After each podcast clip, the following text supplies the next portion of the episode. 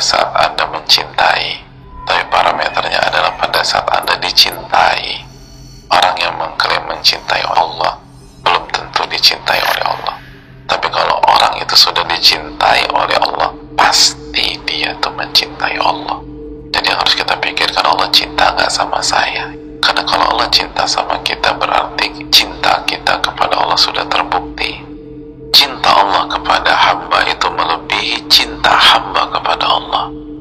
Jangankan hamba sama Allah hadirin.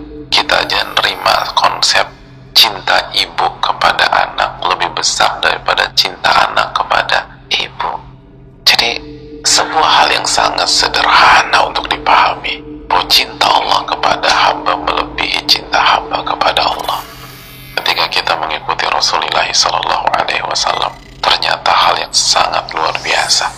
Yang pertama, niscaya Allah akan mencintai kalian.